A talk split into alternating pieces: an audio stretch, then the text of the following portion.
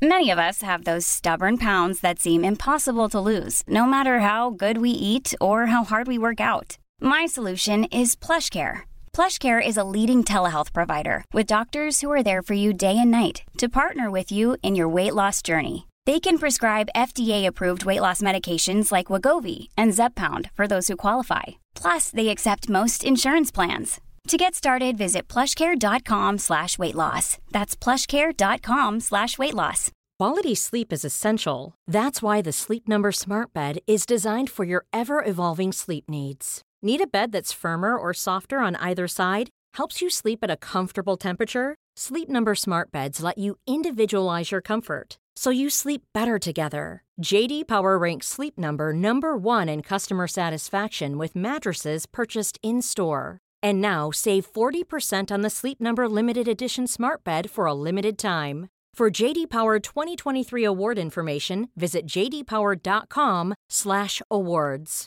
Only at Sleep Number stores or sleepnumber.com. Og Da ser vi sekundene de går ganske fort, men det får vi håpe at du, Gjermund, gjør også. Og vi må ha klart for oss at Radis Devi først får øye på han. Vil han bruke over to minutter inn? Dette tetter disse gamle Noes! Over to minutter, helt sikkert. Ja da! Dette blir revansje for Øystein Pettersen og Petter Northug! De er olympiske mestere i sprintstafett! Oi, den er fin. Den er fin, sier jeg. Ja, det er, dårlig, det er en dårlig vane. Er det det, eller? Jeg skal begynne hver podkast med det. Jeg, jeg er ikke en rapete fyr. Men ikke det hele tatt. Men det er akkurat som når jeg får sett det fjeset ditt når det bare viser seg i sin fulle prakt. Så må det rapes. Luft må ut! Og da tenker jeg heller eh, ut av kjeften enn ut av andre steder. Det er jo hyggelig. Det er jo veldig det er, jo, er det et kompliment at folk må rape når de ser deg? Ja, det er jeg usikker, men det er iallfall en reaksjon. Da. Og det, det tenker jeg. jeg tenker at Det verste du kan få folk, det er bare, bare helt tyst. Altså ingen reaksjon. Og, så jeg tenker sånn, Om det er jubling eller om det er buing, så er det i hvert fall reaksjon. De ser det, og de lar seg engasjere. Jo, øh, men jeg er jo ærlig på at det liksom øh, Det føles ikke som noen trøst at du ser meg og velger å rape. Det er liksom ikke jeg tror faktisk jeg hadde gått for ingen ikke noe rap. Ja, kanskje. Det er, det er en snodig reaksjon. da. Så det, det er klart det har vært eh, Det er jo tøft på Tinder-dates. Hvis det er, det er liksom bare min eh, primale respons på at jeg ser noe jeg liker, da begynner jeg å rape. Så det har jo vært en tøff Tinder-karriere for meg. Men det er jo noe ur, urinstinkt over det, er det ikke det? Altså sånn, Jeg liker det. alle gjør det. øh, menn og kvinner og gutter og Rapekvinner. Det, det vet jeg. Altså, jeg, har, jeg, har, jeg, har, jeg lever veldig tett. Jeg er ikke helt samboer ennå, men jeg lever veldig tett med en veldig bra, veldig flott, flott dame. Og jeg tror ikke hun bæsjer. Altså, har, jeg, tror hun har det husker jeg, har jo hatt samboer tidligere. eh, og jeg tror jeg vet, jeg, De er utrolig gode på hemmeligholdelse rundt eh, avføring. nå eh, altså dette er altså Nå skyter jeg meg selv sikkert midt i den berømte her. Men jeg er jo da gift med ei flott dame fra uh, Skåbu. Og jeg må jo være ærlig og si Og dette er jo dette er ikke sikkert uh, Dette er ikke noe forsøk på generalisering. Jeg bare forteller om mine erfaringer. Men hvis du tenker deg liksom noen, to akser her i et sånt skjema, Ja. hvor den ene aksjen viser antall samleier, og den Ja. andre aksen viser antall promper sluppet i samme rom. Ja. Så på et eller annet tidspunkt så krysser de aksene hverandre, så det er flere antall promper sluppet i samme rom enn samleier. Jeg skjønner, jeg skjønner. jeg skjønner. Vet du hva jeg gjorde der? Det- det- Dette har jeg blitt fortalt av hun jeg er sammen med nå. Hun sa at hun var litt usikker på meg på første date, fordi hun mente at jeg prompa på første date. Og det kan jeg ha gjort. Ja, det kan jeg ha gjort. Og jeg skal forklare hvorfor. Fordi det er den ultimate kjærlighet du kan vise noen. For en tillitserklæring der! Å sette seg der på første date tenke at jeg er så komfortabel i ditt selskap at nå slipper jeg meg en promp.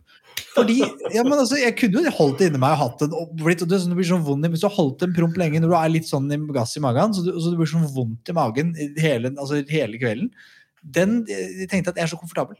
Her er det så, god, her er det så tillit. Altså, det Eh, det var er, dette er en syk, syk innledning på en veldig god pod, men jeg er Yes. ikke ferdig. Jeg er ikke ferdig. Jeg, jeg, jeg, jeg, må, bare ta en ting til. Jeg er jo pappa til eh, Oda. Hun er ni år. Elsker bæsjetiss promphumor. Vi var på biblioteket rett før påsken. Lånte oss en vitsebok om bæsj og promp. Ah, Nå, nå kommer det en, eh, en liten vits, gåte her. Ja. Vet du hva promp er? det, tydeligvis ikke. Det er lyden av en bæsj som sitter fast i rumpa. Det er for svakt. Det er for svakt. Det er for svakt. Lyden av en bæsj som roper om hjelp. Ja, det skriker ut hjelp. Jeg vil ut! Hjelp! Jeg sier ikke det, jeg sier bare det siste. Ja. Sier bare det siste. Sier bare det siste. Vi hygger oss, vi. Er det noe som får min fart på min avføring, så er det en god kopp med Coop-kaffe! Det, ja, men det har ikke noe med Coop å gjøre. Det er kaffen i seg selv, tror jeg faktisk. Det er, ligger i kaffens natur. Det er utrolig lakserende. Det er en av Jeg tenker det er en god ting jeg, at det er lakserende nå. Det er ikke alltid du vil det, men eh, vi er som Coop, våre gode venner i Coop, glad i den gode samtalen. Det tror jeg de som har hørt denne introen, har skjønt. Eh, Og den starter ofte med en god kopp med kaffe. Gjerne, og aller helst for, fra Coop. Eh, Men Kan jeg- kan jeg-? Ja, Ja. Altså, jeg bare um, Og det her er helt alvorlig. Før store skirenn, mm. eller før egentlig alle store utskeielser av fysisk art, så er det digg å ha gått på do. Så det å drikke kaffe på morgenen, uansett når starten på dette skirennet er, slik at du får tømt ryggen, det er jo helt essensielt. Så akkurat det at kaffe har lakserende effekt, tror jeg det er mange som er glad for. Ja. Som driver og jazzer rundt i skauen. Enten de gjør det fort eller sakte. For at det uten kaffe, ikke noe stas. Ferdig snakka. Kloke ord fra en uh, erfaren og klok mann. Men um, jeg prøvde å dra oss inn i Har du, har du fått uh, løpt noe i det siste? Du sa jo her, Vi snakka sammen i stad, faktisk, og da sa du at du hadde vært og løpt intervaller i går. Du, jeg var ute og løp intervaller i går. Uh, Løp uh, Altså, jeg begynner jo nå liksom å, å, å tune mot eh, 3000 meter-challengen. Jeg begynner jo å grue meg litt, det er jeg jo ærlig på, men jeg løp i går um, intervaller, tre minutts intervaller for å prøve å få litt fart i beina. Og så på, på ettermiddagen så var jeg nede på eh, Strandtorget nede på Lillehammer. Bak på Strandtorget det er en liten sånn skatepark. Så var jeg der. Ja. Veit, du hvem som kom joggende forbi? Nei. Det var Jakob Ingebrigtsen. Nei, selveste? ja, selveste. Forvilla seg til Lillehammer? Hva gjør han der? Nei, men jeg, jeg mener kanskje jeg hadde hørt at Philip, altså bror Philip, har hytte på om det er på Sjusjøen eller på Lillehammer, jeg er usikker på, eller Nordseter eller Men det var i hvert fall ikke noe tvil om at Jakob unna altså, Jeg registrerte at vi ikke hadde samme stil. det, det registrerte jeg. Det er et rapt steg. Det er et rapt steg. Altså, de, det ser så lett ut. Jeg følger jo han eh, Jakob på, på Instagram jeg, for, jeg, for å få litt inspirasjon da, til 3000 meter challengen. tenker jeg at Om ikke jeg kan ha tid og ork og kropp til å løpe selv, så kan jeg se på de som er gode på det, og så håpe at jeg liksom subliminalt eh, får det inn. Eh, og det er noe med den, Han, han har sånne filmer, han bare, han bare filmer at han løper på tredemølle. Jeg digger det. Jeg, jeg, jeg, jeg, spiser, bare scroller. Jeg trenger ikke mer. Det er så elegant. Men altså, jeg skjønner ikke hvordan det er mulig. Altså, De løper jo, altså, både han og altså, alle de løper fort. da. Han derre Sondre Nordstad Moe nå legger ut en sånn derre økter. Bare sånn, ja, nei, litt progressiv langtur rundt 2,57 på kilometeren. Jeg bare sånn Altså, jeg har ikke spurten min! Det er raskere enn spurten min. Altså, jeg har ikke 100 meter i den farten omtrent. Jeg er altså så raskt. Ja, det er, det er imponerende. Men har du, har du løpt noe, da, Hanso? Var eh, Jeg begynte å skru til litt. Tester jo også, som jeg lærte lært av alle som har vært innom, det å få farta. Liksom få, få fartsfølelse. Det er viktig. Og jeg har jo tenkt at liksom, 12 minutter har jeg hørt av flere si at liksom, det bør du klare. Eh, Og det tror jeg ikke jeg klarer. Altså, for det innebærer jo da at jeg må løpe hva blir det da, fire minutter på eh, kilometeren. Jeg er matematikk, enkel matematikk, eh, fortell meg det. Og når jeg løper intervallet på det, så da har jeg, løpet, jeg har funnet sånn bane som ligger Fruen bor jo vestpå, der har de jo fine baner. Funnet det. 800 meter er jo to runder på sånn bane. Eh, og så når jeg løper de jeg, Det er ganske ferdig, jeg da. Fire minutter eh, 800, nei, nei, blir det fire minutter per kilometer på 800 Mhm. meter. Mm. Det klarer ikke jeg å gjøre i tre kilometer. Ikke i det hele tatt. Nei, jeg tenker jo at kan det være at du har kan du på en måte jukse litt, i og med at du er så høy, tar så lange skritt, så at i svingene Så istedenfor å løpe rundt lista, så kan du tråkke på en måte over lista, og så Men allikevel. Være på lista. Det er bare å ta et sånt hopp over. Et sånt Ja, lite. Askeladden-jump på siden der. Ja. Og så merker jeg at den akillesen altså, så, så jeg, jeg må ærlig innrømme at uh, vi, skal, vi skal løpe den 30-meteren, så løpe den så, så raskt vi, vi klarer. Men, men så tror jeg at jeg skal Jeg vet ikke. Jeg, løper, jeg tror ikke at løping Det er ei, ei heller løping jeg er bygget for. Men jeg har jo jævlig godt utstyr, for vi gjør jo denne konkurransen, eller konkurransen, denne challengen gjør vi sammen med eh, to gode venner, Hoka og Polar. Og la oss ta det første først. Hoka. Der har vi jo hatt muligheten til å dele ut fem eh, par med råbra sko. Eh, jeg har fått et par selv, eh, og vi har gitt ut tre. Og nå, Øystein, så skal vi dele ut de to siste parene med Hoka-sko. Kriteriene for å være med var jo såre enkle. Det var å være litt engasjert sosiale medier, være med å bygge opp hverandre ved å dele at man selv er på, ute og trener og er aktiv. Og det er et par velfortjente Dette er herrer. Det har vært mye herrer som har vært eh, med, men eh, vinnerne eh, av de to siste parene med Hokasko er Yngve Ek Ottosen og vår gode venn Ådne Hellandsvik. Skriv til oss på Instagram, så skal vi gi dere info om hvordan dere går fram for å heve premien. Det er noe som heter det. Det er jo deilig å se at gode folk fortjener gode sko. Jeg, jeg hadde faktisk en, um, en På økta i går, jeg løp da inne på mølla i går, eh, og da fant jeg min favorittsko for 3000-meteren. Ok. Fordi at Hoka har jo de har noen ulike veldig raske sko. Den ene heter Carbon X2, Ja, og den andre heter Rocket X, okay. tror jeg. Og den Rocket X tror jeg i utgangspunktet er den raskeste, men den er nok bygd for folk som er bedre til å løpe enn meg. Så jeg kommer til å løpe i Carbon X-sko. Jeg løp altså mye fortere og bedre i to Carbon X enn i Rocketen. Selv om jeg tror i utgangspunktet at uh, Sondre Nordstad Moen ville løpt fortere i, i Rocketen. Ja.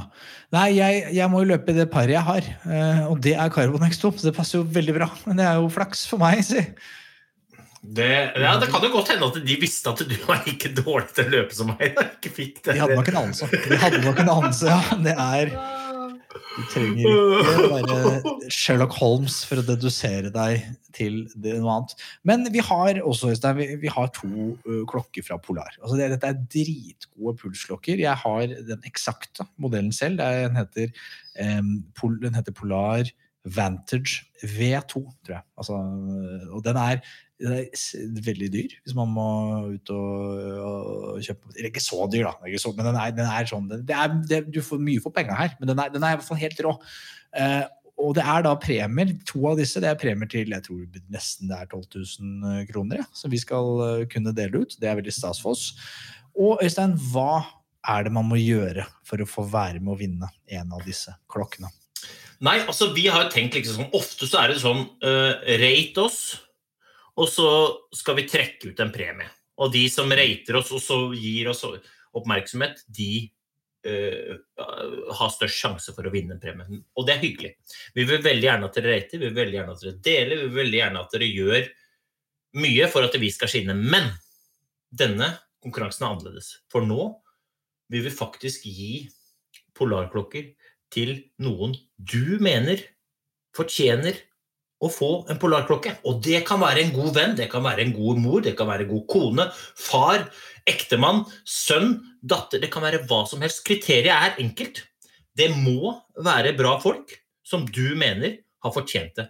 Så du må rett og slett ta et bilde mens du er ute og er sammen med denne personen som fortjener denne klokka, og skrive til oss at hun eller han fortjener denne klokka, og, og tagge oss så vi ser det.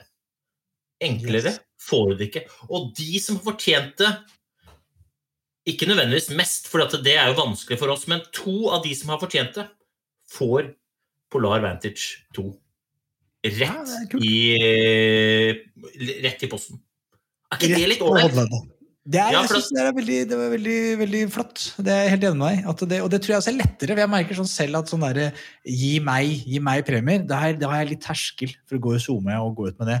Men det å si gi min gode kamerat Øystein Pølsa Pettersen en klokke, for han syns jeg fortjener det, mye lettere for det.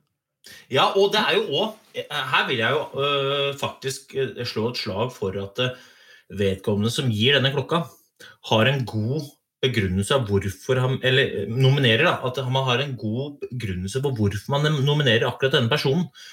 Fordi at det å få ros som man ikke forventer, men basert på hvordan man er, det er det noe alle liker. ass. Og det er så hyggelig å få Det er veldig sjelden jeg gjør det, men de gangene jeg får ros basert på bare hvordan jeg har vært eller opptrådt, uten at jeg har forventa det, det setter jeg pris på. Ja, og vet du, Det eneste som er bedre enn å få ros uh, uten at du forventer det, det er å få klokker uten at du forventer det. Og her har du muligheten til å få et kinderegg. Du, altså, du, nå ødelegger du! Nei, det er disk! Glem det han som sa, men husk det litt. Det er deilig. Men, men um, fikk du med deg liksom helgas opplegg, eller? Ja, og vi er ikke de eneste. Fordi vi har jo selvfølgelig vi har en kjempegod venn, eh, Noregarden, som vi for øvrig snart må ha med i poden her. Eh, Det hadde vært kjempegøy. Jeg tror veldig mange, ikke, og meg selv inkludert, har lyst til å høre fra selveste Noregarden. Så, så det skal vi ordne. Men han eh, sendte oss et par limericks som jeg tenker setter litt tonen for, eh, for den galskapen som har foregått i helgen. Så skal vi sette på litt sånn Jeg tror vi må sette opp noe sånn der, for at det skal passe her, noe sånn Val di Fiemme 2003, tidlig 2000-talls klassiske verdenscuprenn-jubel. Og så skal vi høre et par solide Linux.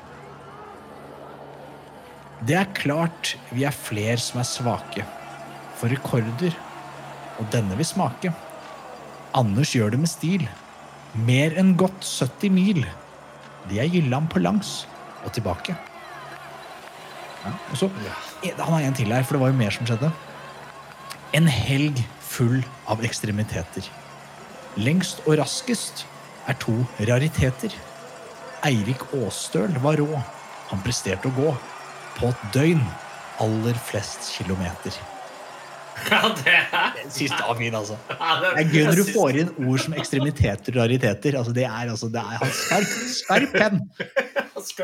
Men jeg er så spent. Altså. Hva, hva tenker du om det som Altså- foregår i helga? Jeg, jeg må innrømme at jeg har jo ikke jeg har jo, Eller nå har jeg jo dels et forhold til dette. Og som sagt, det lengste jeg har gått i mitt liv, det er på ski. Det er da 54 opp, opp alle andre eh, truger. Alt det lengste jeg har gått, det er 54 km. Det var, gjorde vi sammen her i vinter. eh, Rena til Lillehammer. Og jeg hadde ikke Altså, jeg tror ikke jeg hadde klart å gå mange kilometerne til. eh, Og jeg tror ikke jeg hadde klart å gå mange meterne til. Og her har altså eh, Anders Haukeland, eh, i godt selskap med da Joar Tele og Simen Østensen. eh, dette er jo gode venner av deg. Men, og Anders Haukeland da spesielt, gamle far, han har da gått over altså Er det 700 km, eller 700 km og 500 meter, et eller annet sånt? Det er altså så sinnssykt. Altså, jeg, jeg, kan nesten ikke begripe det. Og det jeg kanskje syns er mest sinnssykt med det, det er at du vet jo hvor høyt jeg setter søvn. Og dette har jo da, jeg vet ikke hvor mange timer har han brukt på det? 41. 41 timer. 41 timer. Så Det gøyeste synes jeg med dette her, det er eh, en av våre favoritter, Petter Skinstad. Han hadde en på Instagram så det var så gøy! Og han hadde et bilde av Anders Aukland, som er sunn, og han er en sunn og flott mann. ikke sant? Han er jo mannens beste alder. Og så hadde han, hadde han Det var et sånt bilde som ble tatt av Anders Aukland midt i etter sånn 24 timer, eller sånn, hvor han så ganske sliten ut og furete tryne. Og så hadde han et bilde av en ordentlig gammel krok som han mente var sånn Anders Haukeland sannsynligvis så ut. Ja, det var, det, det var faktisk det var stor idrett av Petter Skistad der før, Ja, underveis og sannsynligvis etter. så det er sånn som, Det var sånn som en stubbe, liksom. Han så ut som en av de der Så ut som hun dama som har nesa si fast i det Askeladden-eventyret. Det var helt jævlig. Revenka, så. Ja, Men altså, men altså eh, Altså, du har jo kjørt eh, Alle har et forhold til liksom Trondheim-Oslo. Ja. og det er liksom Det er jo Det er lenger. det Det er, er bare, det, er så, det er så mye lenger enn det. det liksom, Men hva er det lengste du har gått? Jeg, har ikke gått uh, så langt. Uh, jeg har sikkert gått Jeg har nok gått over 100 km på rulleski og sånn, men jeg har aldri hatt noe mål om å gå så innmari lenge. Og jeg må være ærlig og si at jeg Altså, jeg, jeg hyller jo det de gjør, men jeg er litt glad for at jeg ikke er bitt av den basillen sjæl. Jeg er litt glad for at jeg ikke går rundt på mylla dag ut og dag inn og, og drikker sjokolademelk og ser ut som en eh, trerot til slutten. Fordi at eh, jeg, jeg, jeg bryr meg ikke om det. Men, men samtidig så, så hyller jeg det, for det er liksom noe det er noe barnslig over det. Jøsse navn! Altså, gikk du så lenge på ski, ja?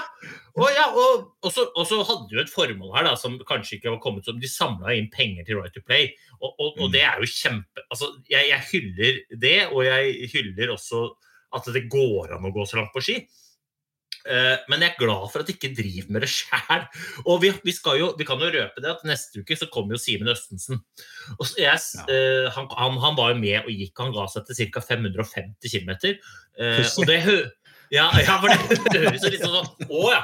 Å ja, ga du deg etter 500 Men det er liksom Det er fortsatt Trondheim-Oslo og litt til. Det er, det er, det er Trondheim-Drammen på ski. Så det, det, ikke, ikke kast liksom stein etter Simen for det. Og, og så sendte jeg melding liksom, eh, sendte jeg litt melding med, og da sa du det at eh, jeg gikk egentlig litt lei. Og så skal jeg på jobb i morgen klokka sju. så liksom, jeg tror på et eller annet tidspunkt at Simen også tenkte Hva er vitsen Hva er vitsen med dette? Ja, det første jeg tenkte jeg så, jeg så jeg har skjønt at det går sport i det. Det omgjør å gå lengst. Og, og Anders Haukeland, jeg, jeg kjenner ikke fyren, men han slår meg som en fyr som han skal være mennenes mann. Og det skal være, og jeg tenkte sånn, Er det ikke lettere å bare ta fram pikken og så måler vi pikk? Bare mål pikk. liksom, Det er ferdig på ti sekunder. Så, hvem, hvem, han vant. Han har størst tiss. Vi kan gå. Vi kan gir oss. Men isteden skal det gjøre så jævla vanskelig. Han skal liksom måtte gå 700 km først for å vise det. Ja, Det vet jeg ikke, men erfaringsmessig så tror jeg ikke tissen vokste det, er på turen. Det tror jeg ikke. Det kan hende at eh, pungen seg litt, men at tissen vokste Vanskelig for å tro det. Permanent. En steg permanent. 700 km på ski og 1 centimeter ned med pungen. Det var Men det som òg er litt sånn artig, er jo at liksom da akkurat den samme helga så er jo han derre Eirik Astøl. Eh, Ja. Og jeg har ikke noe forhold til han egentlig. Han er nok uh, brukbar til å gå på ski, han altså. Uh, men men, men jeg, jeg bare, eneste forholdet jeg har til han, var at han, han gjorde det samme forsøket i fjor. Men da gikk jeg fram og tilbake på en grusvei, og han, han, altså, han gikk helt vanvittig lenge da også, men da måtte han gi seg, gikk helt tom.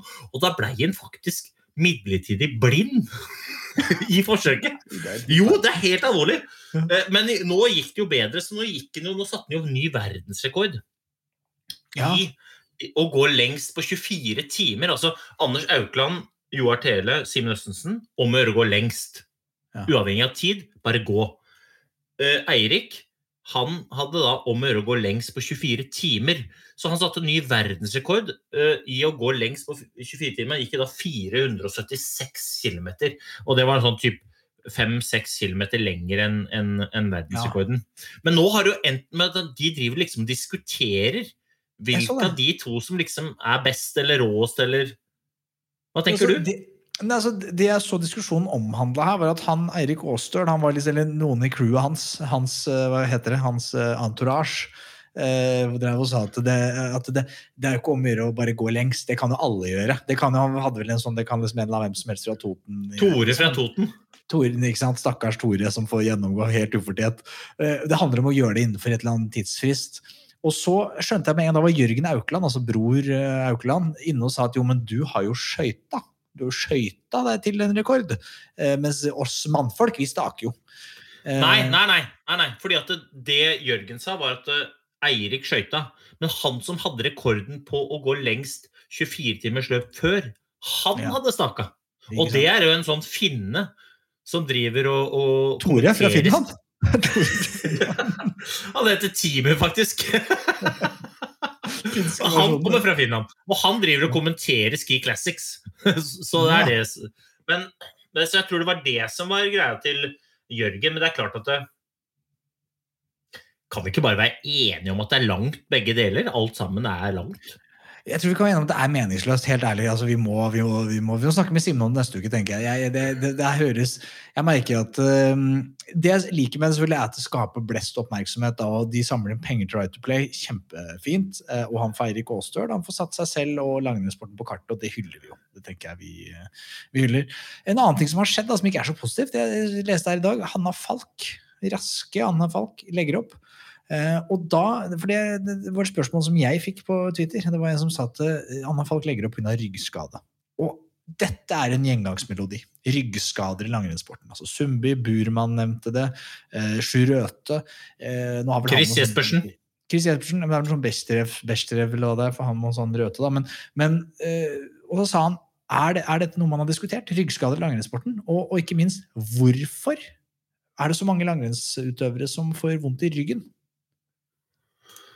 Oi, det er ikke jeg rett mann til å svare på i det hele tatt. Men jeg registrerer jo at det er en del som har vondt i ryggen. Eh, men eh, hvorfor, det vet jeg ikke. Da, må noen andre svare. Jeg, hvis jeg skulle tippa, så handler det om slitasje over tid, sammen med eh, banking på rulleski, staking, mye slag, kanskje litt lite tøying, kanskje litt lite stabiliseringsstyrke. Jeg vet, jeg, jeg vet ikke. Det, dette er ren spekulasjon fra min side. Men det er kjedelig at um, hun legger opp. Det er jo mange som legger opp.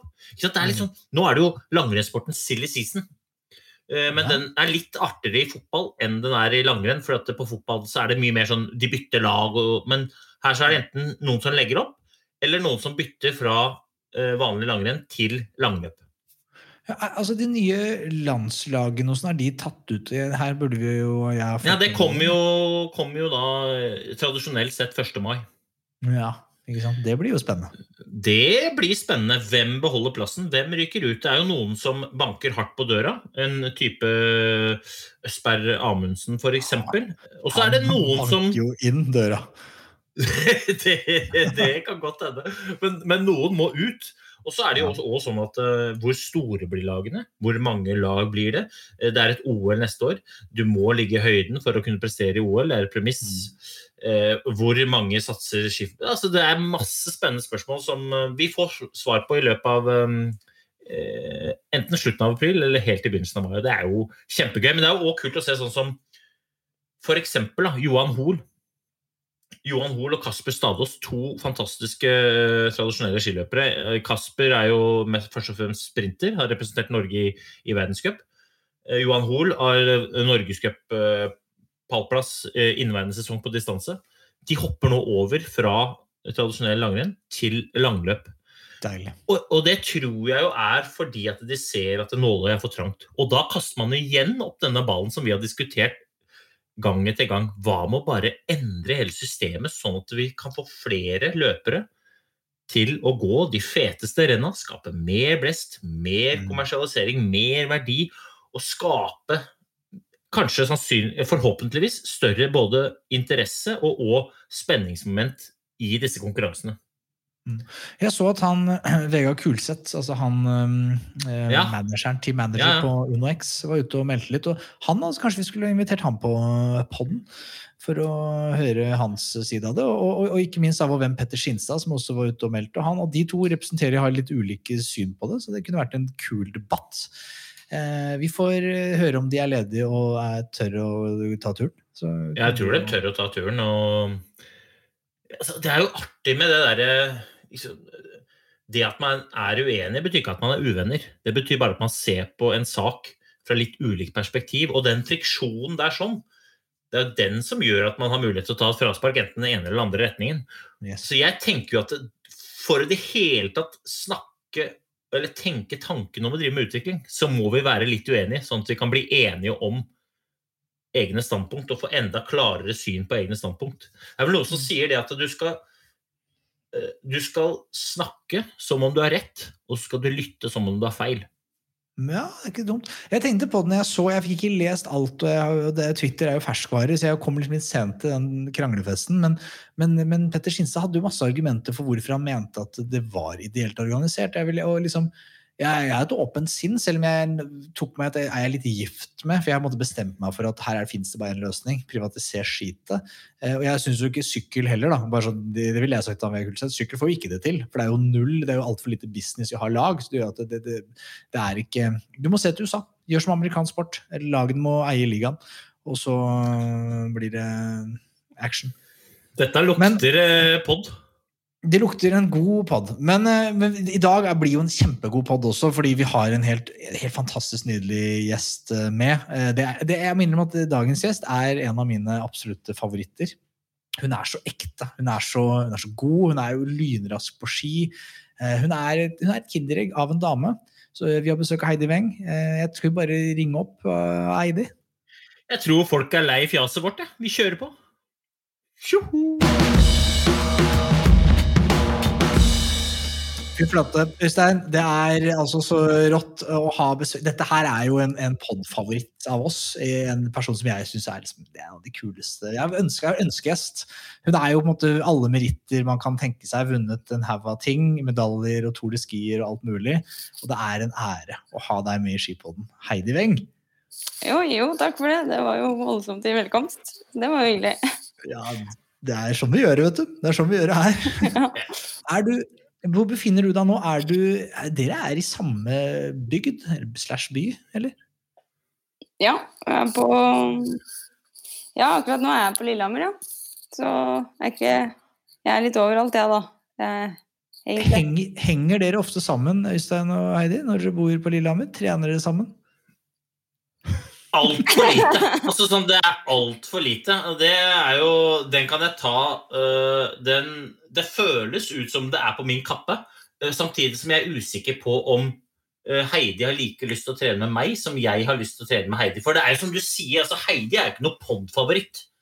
Heidi er jo bare en favoritt. Altså, det er, og det som er med Heidi Weng, at det, er jo umulig å være rundt Heidi Weng uten å kjenne på den energien som er der. Liksom. Det er så, det er så, man blir jo glad. Og så kan du jo si sånn Ja, men du, du går det, er liksom, det skjer jo alltid noe rundt her. Ja, men det er det som er magien.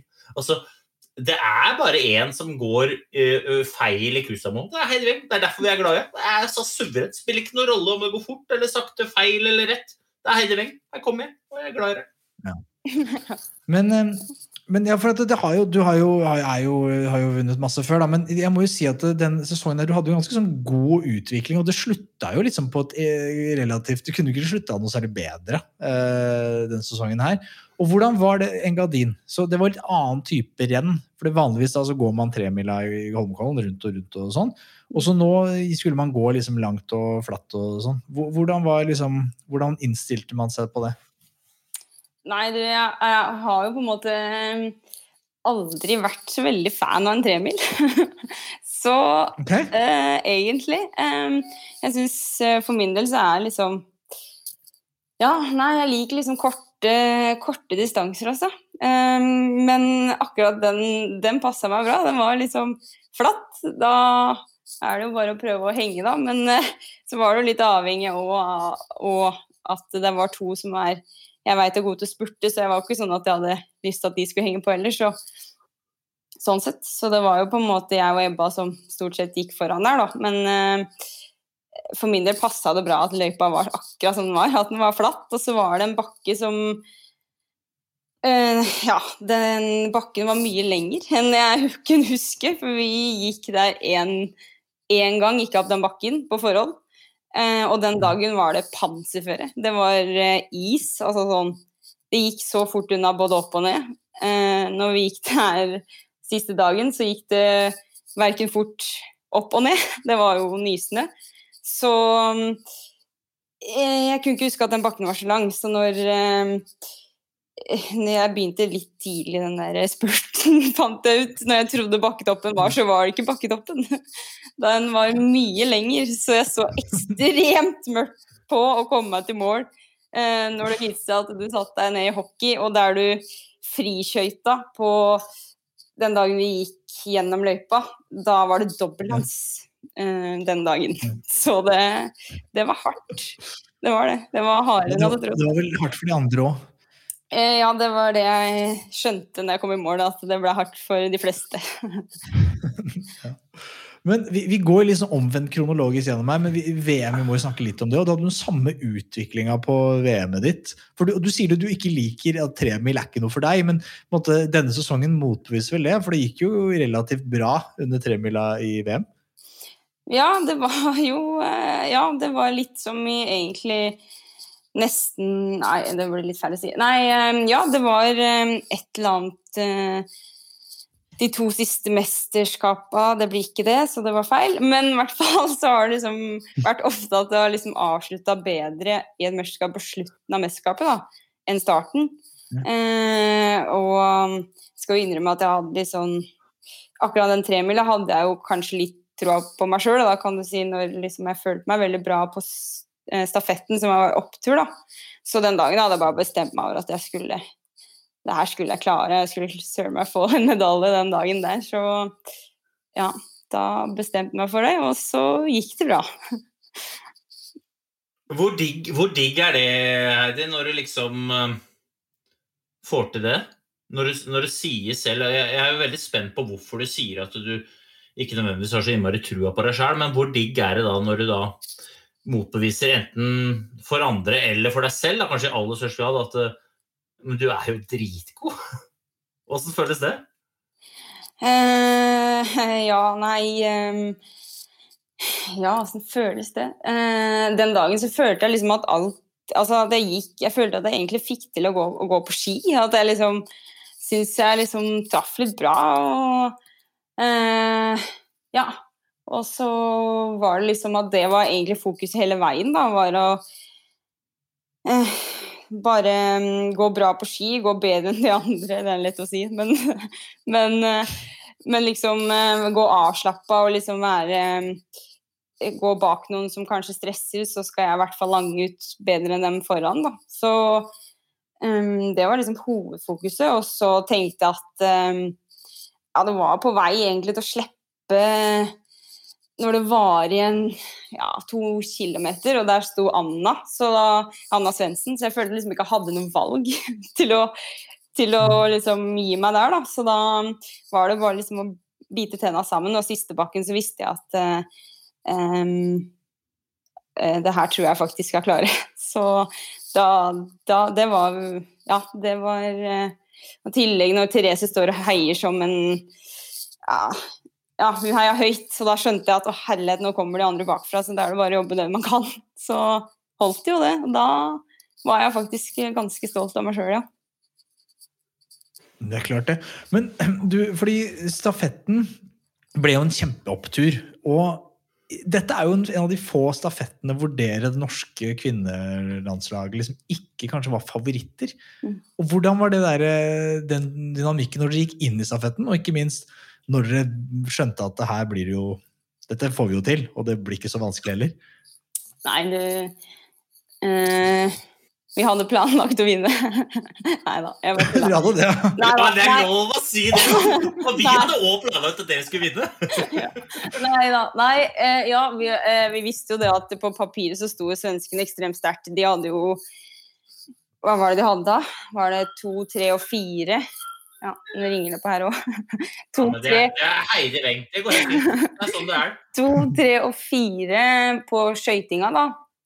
Og så ja, og hun Jonna hun hadde jo da to gull, da, så det var liksom en litt annen liga enn det vi hadde fått til, da, kan du si. Så, men samtidig så var det liksom Ja, eh, Tiril eh, fem kilometer klassisk, det er liksom Jeg hadde på følelsen at ingen kan jo gå fra hun, og så Hører du noe bak den der? Nei. Og så um, var jeg jo litt sånn litt nervøs på meg sjøl, da. Eh, og så visste jeg jo det også at Therese er jo Therese. Og så var det jo lille luringen til slutt, da, så da var jeg jo litt spent på hele gjengen der. Men uh, når jeg og Tiril var ferdig, så var jeg litt sånn Da var jeg egentlig litt mer avslappa, for å være ærlig-. Og det tror jeg Tiril var også. Uh, når jeg endelig ga Therese klappet, så tenkte jeg at åh uh, Og så at uh, For det første så visste jeg ikke at svenskene var liksom Jeg skjønte ingenting, egentlig. Uh, så Nei, da tenkte jeg at det her eh, Det her kan jo gå, liksom. Altså, øh, Heidi Weng er jo kjent Du er jo en sitatmaskin, ikke sant? Du er jo du er kjent for å levere løypa og i mikssonen. Og så etter stafetten så står Frida Karlsson der og, og er jo så lei seg. ikke sant? Prater med Harald Tingnes, og det er bare bånn i bøtta, dårlig stemning. Men så kommer liksom Heidi Weng bare inn fra høyre. Hva skjedde der, egentlig? Nei, eh, nei, altså for det første så var jeg og Tiril hadde jo da fra mållinja, så hadde vi løpt gjennom hele mix-zone. Eh, vi fikk beskjed av liksom av Gro da, Eide, som er mediaansvarlig, at vi skulle direkte til NRK. da. Så vi løp jo da hele veien. Dessverre så var jeg litt foran Tiril i, i eh, løpinga der.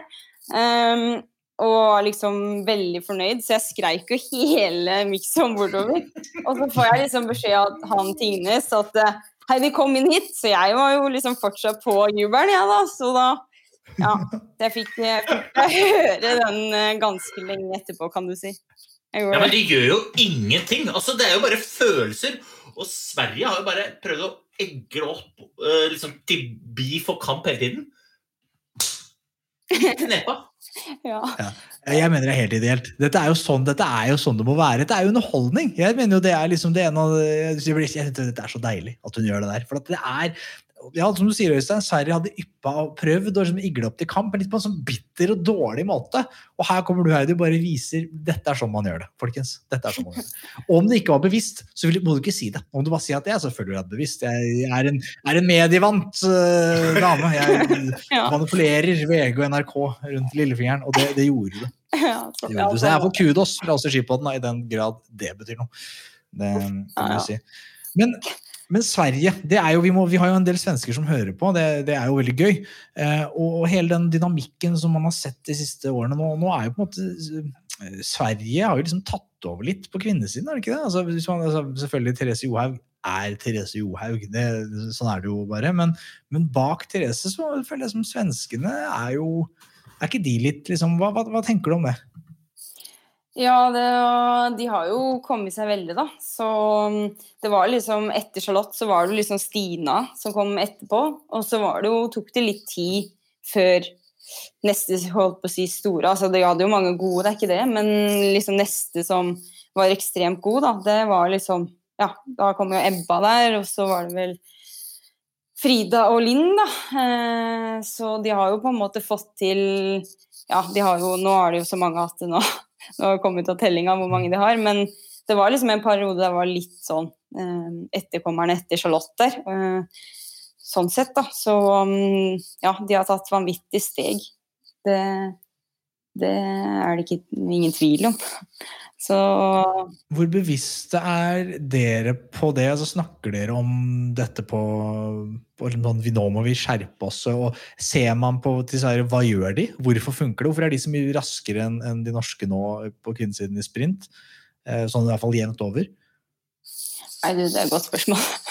Men eh, nei, jeg tror ikke vi tenker så mye på hva de gjør. Sånn For min egen så må jeg nesten ha fokus på meg sjøl og hva jeg, hva jeg driver med. Um, men ja, de har blitt vanvittig gode de siste åra, og ja, de kan vel ha hvem som helst akkurat nå på pallen, på, akkurat, spesielt på, altså på sprintsida, så har de jo vanvittig mange jenter. Det er jo ja, utrolig sterkt uh, lag, men uh, det var jo på en måte litt sånn Det har vært både for gutter og jenter i, Norge òg, at det er jo egentlig bare bra for alle at det er litt forskjellig, at det ikke bare er nordmenn. eller nå har jo på en måte, Man kan jo si at svenskene har jo tatt over tronen, da, sånn at nå må det være noen andre enn svenskene som vinner etter hvert òg. Det kan bli kjedelig. Ja, og det er, det er jo hardt å melde at svenskene har tatt over tronen, da, for det er jo en sesong hvor, hvor dere nesten ikke har gått verdenscuprenn. Men Ja. eh, det er jo et spennende element der i forhold til det, Blir det tatt noe grep for å sikre at rekrutteringa blir god på det, det nivået som måte, du, Therese, Ragnhild har vært på sitt beste, Astrid altså, Blir det tatt noe grep for å sørge for at flere av de talentene vi har nå, kommer opp på deres nivå? Vet du noe om det? Uh, det var et godt spørsmål. jeg veit ikke helt. Sånn, det på en måte tok jo kanskje litt tid jeg føler, at jeg, jeg føler fortsatt at jeg er ekstremt ung, da. Men uh, begynner å bli den som er eldst på laget. Men det tok jo litt tid før det kom kom på en måte uh, noen som var yngre, og så plutselig så har du både Tiril, Lotta, uh, Ane, Helene Så plutselig kommer det. Sånn er det, føler jeg liksom kanskje har skjedd litt for svenskene nå. At plutselig så er det noen som drar med seg lasset, og så presterer Og så kommer man kanskje inn på et landslag, og da både kanskje junior, det da, men også senior, da, og får litt mer drahjelp og kanskje se hvordan de, de beste trener, og da tar du um, uh, Ja, og kommer på et bedre nivå sjøl, da. Eller i hvert fall sånn var det på min del, kanskje. Mm. Jeg, jeg, og jeg er helt enig. Jeg tror jo at um, Jeg er i hvert fall overbevist om at det norske laget har absolutt det som skal til av kvaliteter for å både matche svenskene, men også knuse svenskene. Uh, både i enkeltrenn og, og i stafetter. Uh, jeg håper selvfølgelig mest i stafetter. Men hvordan har det påvirka f.eks. deg og Teresa, som, som du sier, selv om dere er unge, så er dere jo de eldste på laget. Dere har vært med, har vært med i en evighet allerede. Eh, Men hvordan blir dere påvirka av at det kommer inn f.eks. en tøffing da, som heter Helene, og som er eh, sitatmaskin nummer to? Det er ikke noe tvil om hvem hennes store forbilde er når det kommer til sitater. Det er jo, eh, det er jo deg. Men hvordan blir dere påvirka av at det kommer inn en sånn sulten eh, løvinne? Eh, jo, altså for det første så er jo Helene helt eh, King Kong. Eh, jeg var jo heldig med å bo på rommet i en liten periode, og det var jo Det var vel eh, Ja, vi lo vel kanskje av hverandre og med hverandre fra morgen til kveld der, og ehm, for meg som er ekstremt morgengretten, så passer det veldig bra at hun er som flyr og flammer fra morgenen av, og hun er jo trøtt om kvelden, så da ble det jo liksom eh, ganske bra duo der, da. Um, så for min del så betyr det veldig mye å få inn ei sånn som er litt far- fargeklatt, da, som um, ja, er, og er overalt. Um, og er jo utrolig dyktig allerede. Du skulle jo tro hun var eldre enn hun er, da. Så hun har mye kunnskap å gi bort òg, Så det, ja, det passer veldig bra at hun kom inn og lærer, lærer til oss gamlinga. jeg kan Men ser, du, men ser du noe av deg selv i Helene? For jeg gjør det, nemlig. Når jeg uh, var gammel og grå og en enda yngre Heidi Weng kom inn på laget. Jeg ser veldig mye av Heidi Weng i Helene. Jeg opplever deg sånn som du beskriver Helene. Ja, nei, du, ja, takk for det. Nei, uh, um, ja, hva skal jeg si til det? Nei, men, jeg, men Syns du at dere ligner? Eller tenker du at hun er rød og du er blå? Uh, ja, altså enkelte ting så er det jo uh, Vi er jo kanskje eh, to som er eh, Hun er nok litt, eh, litt råere i huet til enn meg, det vil jeg faktisk si. Eller eh, faktisk, det var Ja. Men på enkelte vis er hun litt, hun er litt sånn surrete. litt sånn eh, Ja. Um, vi kom jo da vi kom jo opp på stadion en dag, og NRK sto og filma oss. Eller om det var TV 2, husker ikke. Um, da hadde trodde jeg at jeg kom på stadion. Jeg står jeg ved siden av smøreren min, og så ja, eh, kan jeg ikke skjønne, fordi den ene staven min At jeg trodde jeg hadde tatt én klassisk-stav og en skøytestav. tenkte jeg meg, og det er så typisk meg. Jeg kjente jeg var irritert når jeg liksom dratt helt til stadion med bil, og så må jeg dra opp igjen. og Så typisk at jeg må spørre noen. Hei, jeg glemte selvfølgelig staven på hotellet. ikke sant? Og så kjente jeg jeg skjønner ingenting, for jeg er sikker på at jeg sjekka her før jeg dro, at jeg hadde to klassistaver. Og så ser jeg liksom ser jeg på 125 eller noe sånt nå, da. Så bare Hæ? Hva skjer med staven? Og så står det Helene ved siden av liksom mens eh, forskjellige staver hun òg, da, og liksom henger på stavene. Og bare Ja, men jeg har jo feil, jeg òg. Så da er det sånn OK. Ja, det var halvtime, og så klarte dere å skjønne hva som hadde skjedd? Eller Ja, var det ja, det var akkurat det. Så ja, der har du oss. Det er bare mange ting jeg stussa på her. Er det, er det sånn at dere må ta med dere stavene selv hjem til hotellet og tilbake igjen? Og det er ikke sånn at må putte, dere har jo en smøretrailer til sånn 20 Jo, men nå er det mil jo stående. det er jo litt an Vi får jo ikke vært i smøretraileren nå, vet du, de åra det har vært korona, så har vi Ja. Det er sånn koronagrep, ja. Hver kvinne sin stav. Det er en sånn Og så er det jo sånn, da, Hanso, at det her er jo ikke mm, det er jo ikke sånn som eh, det, man får inntrykk av at det er i Premier League. Jeg husker første gang vi reiste med Jon Arne Riise bortover til eh, Sandnes, skulle gå der. så På flyet så spurte Jon Arne meg om materialforvalteren vår visste hvilken størrelse han hadde i konkurransedrakt, og om det lå på hotellet når det kom fram. sånn, uh, ja, materialforvalteren, det er meg.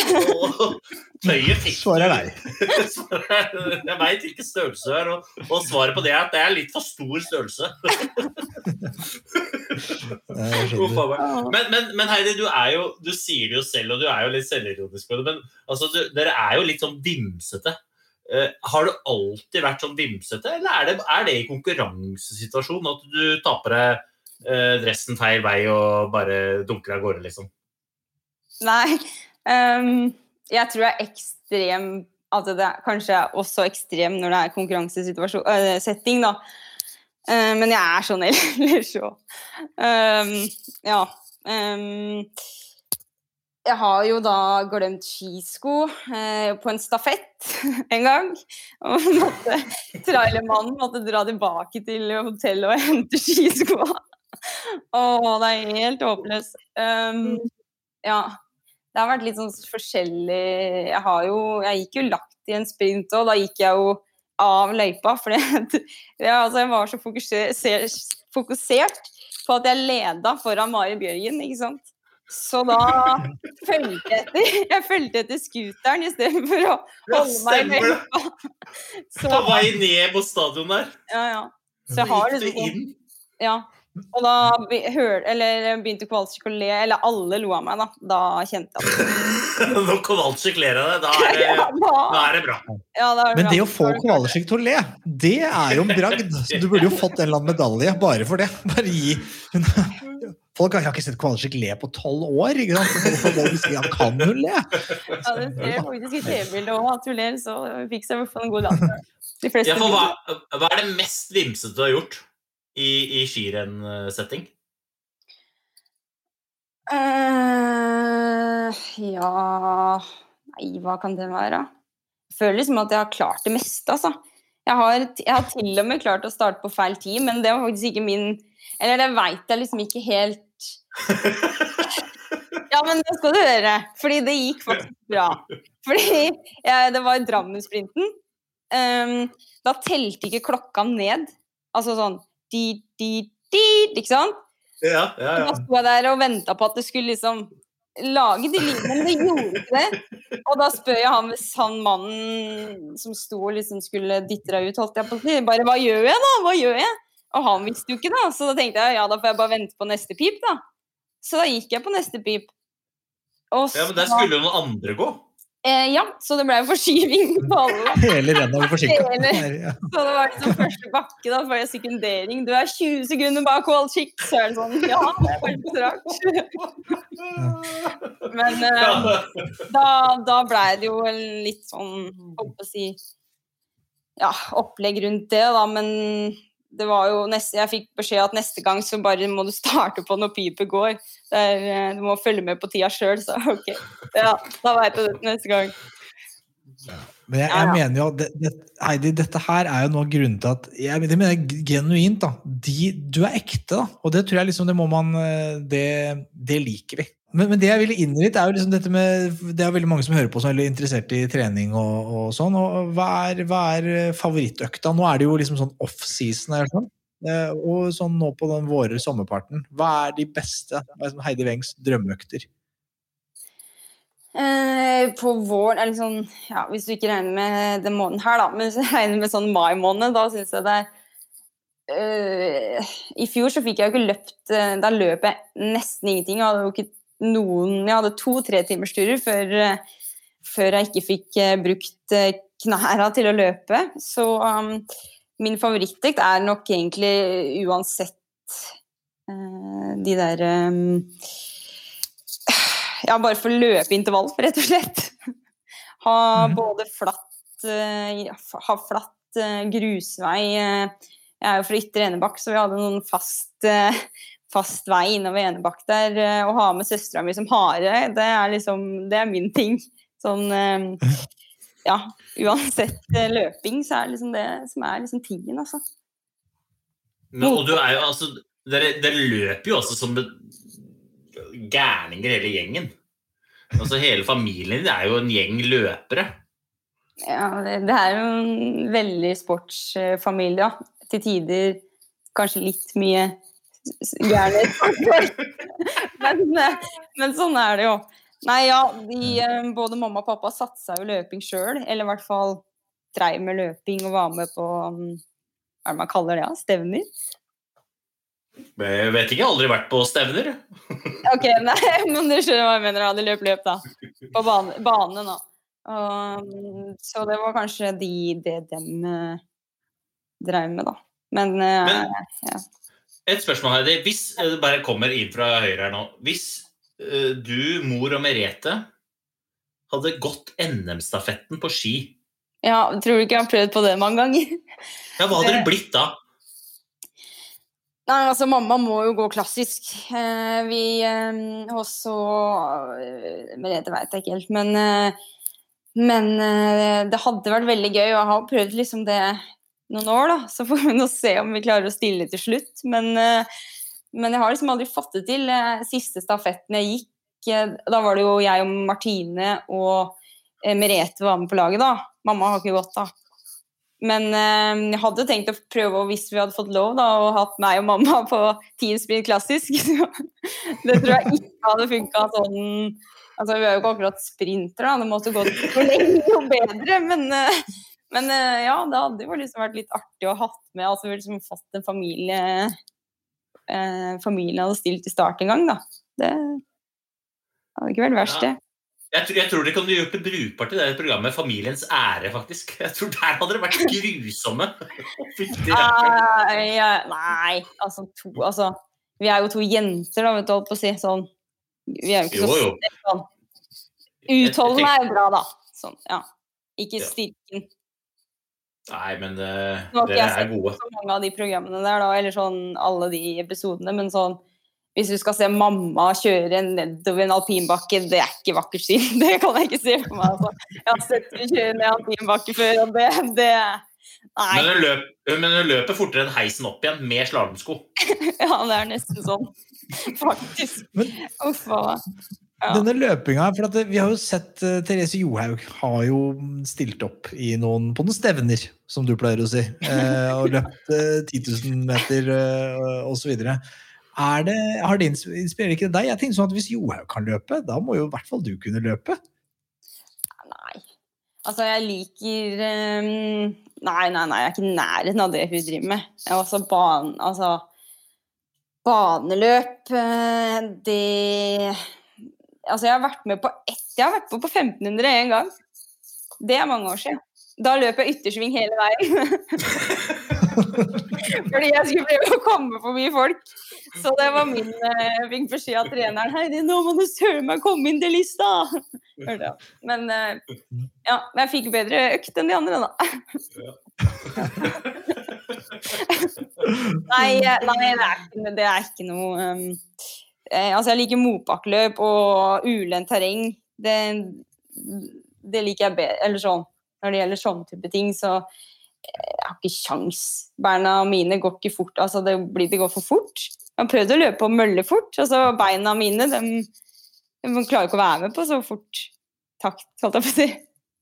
Det som er med, med dere to, Heidi og Hanso, det vet dere sannsynligvis ikke, men dere deler jo eh, en liten jeg, vet ikke om det kalles for lidenskap, men eh, jeg kjenner Hanso, og jeg kjenner Heidi. Og begge dere er litt spesielle akkurat når det gjelder liksom, søvnrutinene. Eh, Hanso, kanskje du kan fortelle om hvordan du pleier å sove? Ja, jeg kan godt dra folk gjennom hvordan man bør eh, gå fram for å optimere søvnen sin. Det kan jeg godt gjøre. Og, og det innebærer jo, liksom, det jo Man må jo preppe for god søvn. Eh, og det er jo at man må unngå, sånn som vi gjør nå, skjermer og sånn seint på kvelden. Dumt, dårlig idé. Finn fram boka, ton tone lyset litt. Og hvis du sitter med skjermer, det vet du, du Heidi, på med blue light blocking glasses. Ikke sant? For da minimerer du eh, de dårlige negative effekten fra skjermer. Eh, og så er det liksom sånn, du må altså, vil jeg ha fast leggetid. Jeg sparker vel inn ved åpne døra, Heidi. Du legger deg på klokka, du. Eh, og så eh, Det jeg gjør, da, og det her som Øystein mener at jeg er ekstrem på, men jeg er veldig opptatt av eh, nesepusting. Eh, utrolig mye bra. Vi kan ned, fylle en podkast om nesepusting. Eh, man burde puste mye med nesa. Vi puster altfor mye med munnen. Ikke bra i det hele tatt. Så det jeg gjør når jeg sover, er at jeg teiper munnen. Jeg tvinger meg til nesepust. Og det, det, har, det er altså mest signifikante tingen jeg har gjort for å, for å bedre min søvn. Det er å teipe munnen jeg sover. Jeg anbefaler alle å prøve det. Prøv det gjerne mer enn Jeg fikk jo mamma til å teste det. Hun holdt på å dø. Hun måtte drive av teipen i fem minutter. Men du må, du må komme deg over den, for det er litt uvant. Det er litt uvant. ikke sant? Og så er det sånn, Pass på at du ikke har tett nese og sånn. Det, er sånn, det, er sånn, det bør man jo unngå. Eh, men utover det Du sover altså som et spedbarn. Hva er dine, ja, hvis, hvis du er opptatt av deg, er det noe, hva, hva syns du for, for øvrig om, om disse rutinene? Eh, jeg hadde fått panikk hvis jeg skulle teipa munnen, ja. Da hadde jeg fått klaus, ja. Nei eh, Ja, nei, de var litt annerledes enn mine, kanskje. Jeg, jeg Jeg føler ikke at det er noe spesielt. Nei, jeg, jeg sover Jeg må alltid sove med med sovemaske. Ja, og jeg sover alltid med propper, uansett om jeg er hjemme eller ikke. Og så har jeg alltid med meg hørselvern på tur. Fordi ørepropper pluss hørselvern, det Der har du meg. Så Ja, Det er veldig godt å høre. Det med sovemaske det burde flere, Men jeg har da gått one louder, Heidi. og det antar Jeg vet ikke om du har gjort det hjemme, men jeg, du så er jo mye på farta og reiser. Da må man bare lære seg sovemaske. Jeg får, du får klaus av munnteipen, tror du? Jeg får, det der sovemaskegreiene, det, det Ja, blir flere klaus av. eh, Ja, nå høres det som det, det er, Nå blir det litt sånn eh, rett inn på reklame her. Men eh, Ja, ja. hvis du har prøvd tempur-sovemaske Nei, Nei, den skal jeg prøve. Den skal du prøve. Den er Ja, ja, det er klart det. Fordi Den er bygd opp under øya, sånn at du, den er mye større pute Ja. her. Jeg har prøvd å ane Den heter, har, har du testa den der, den der som du går rundt hele? Har du, skjønner du hva jeg mener nå? Den som er laget av sånn silke eller sånn? Den prøvde jeg litt. Men det, også, det blir for mye i fjeset. har Ja, det liker jeg ikke. Skal Ja, frem den. Men det jeg har gjort, da, Ine bare for å ja. Jeg kan fortelle lytterne det jeg har gjort i fravær av en god søvnmaske, Øystein, så har jeg gjort hele rommet mitt til en stor søvnmaske. Så jeg har sånne blackout-gardiner som altså gjør det rommet kølsvart. Da jeg var liten, så sov jeg alltid etter et godt rom og kunne leke god mørkegjemsel. Mitt soverom er idealet. Det sier Heidi at jeg har gjort, istedenfor å ha søvnmaske, så har jeg gjort rommet mitt til en gedigen søvnmaske. Ja, der jeg ser den er god. Ja, ja. Og den liker jeg, for den er ikke så stor. Og så er den ikke så stor i fjeset ellers. Få se om den Da har du For det første ser du ingenting, og så er den liksom bygd opp her. Ja, men, men ser du ja, for at, men Du får ikke sett den der, for det merker jeg på noen sømmaser. Ser litt sånn ned under her, men det slipper du også Den er. Ja, den er helt genial. Og så er den sånn veldig altså. Ja. Ja, det er helt nydelig. Åh, ja, altså jeg blir men Jeg syns det er så gøy å høre dere sitte, for dette her er helt fjernt fra min verden. Mitt, mitt beste sovetips, da, hvis du skal få komme med det, Ja. det er jo å bare stå opp tidlig. Bånn Johnny rundt med jobb og med fjas og med unger og tjo og hei. Helt til du blir sliten. Legg deg ned, lukk øynene, sov. Liksom, Det det er mitt sovetips. Men jeg, jeg koser meg jo å høre at dere har altså sånne andre smoothe teknikker.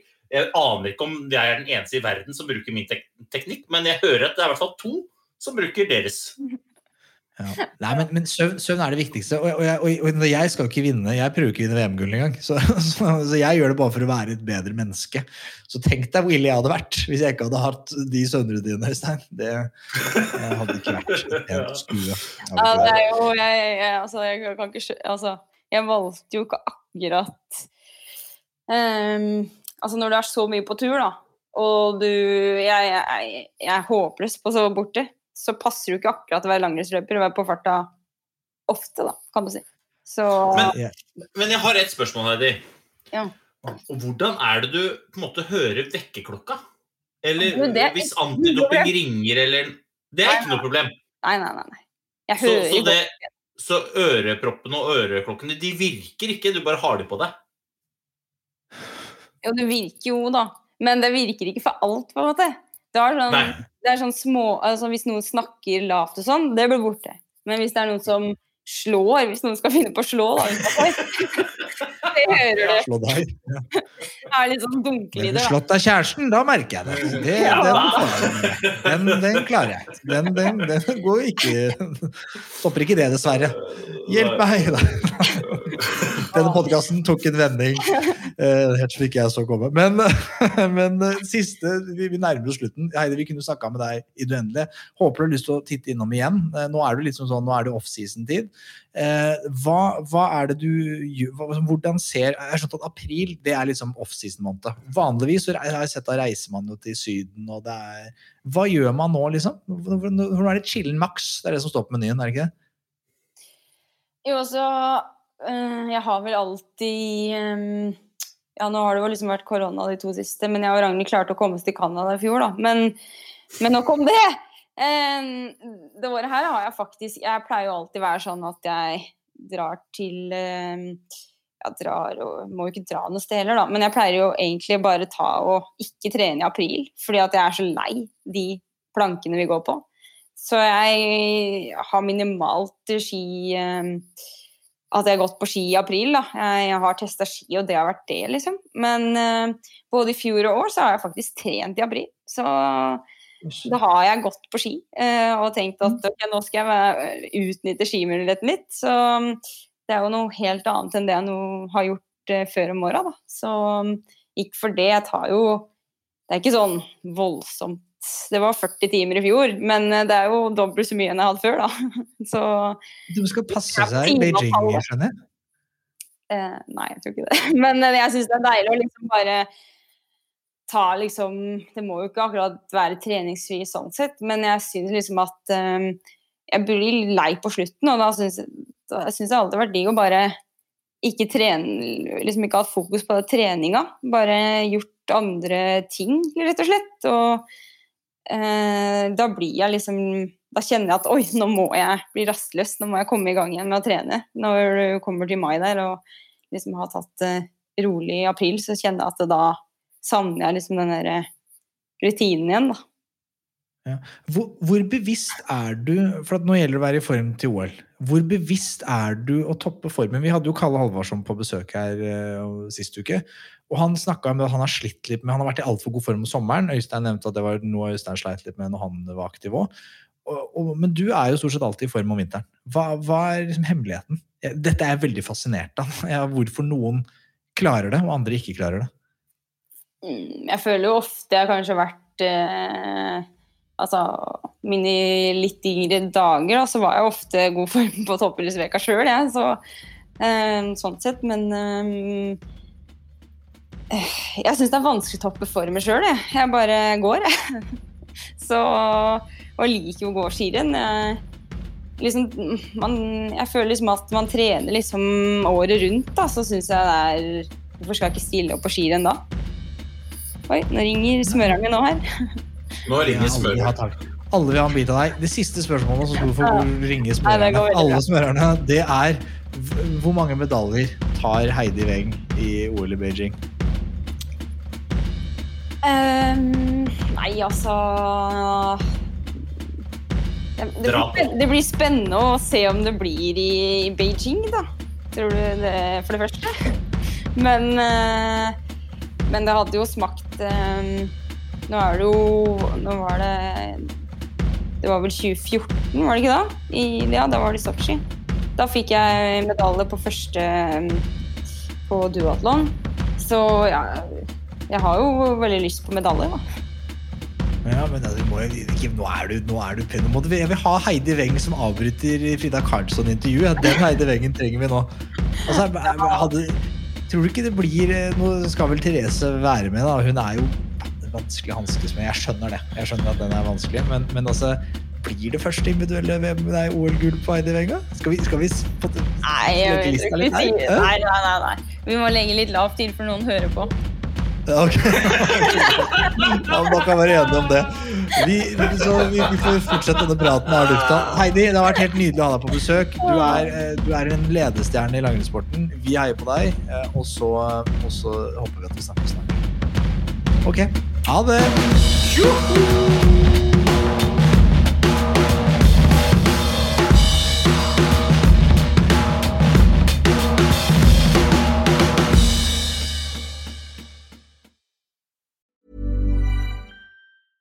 Planning for your next trip? Elevate your travel style with Quince. Quince has all the jet setting essentials you'll want for your next getaway, like European linen, premium luggage options, buttery soft Italian leather bags, and so much more. And is all priced at 50 to 80% less than similar brands. Plus, Quince only works with factories that use safe and ethical manufacturing practices. Pack your bags with high-quality essentials you'll be wearing for vacations to come with Quince. Go to quince.com slash pack for free shipping and 365-day returns.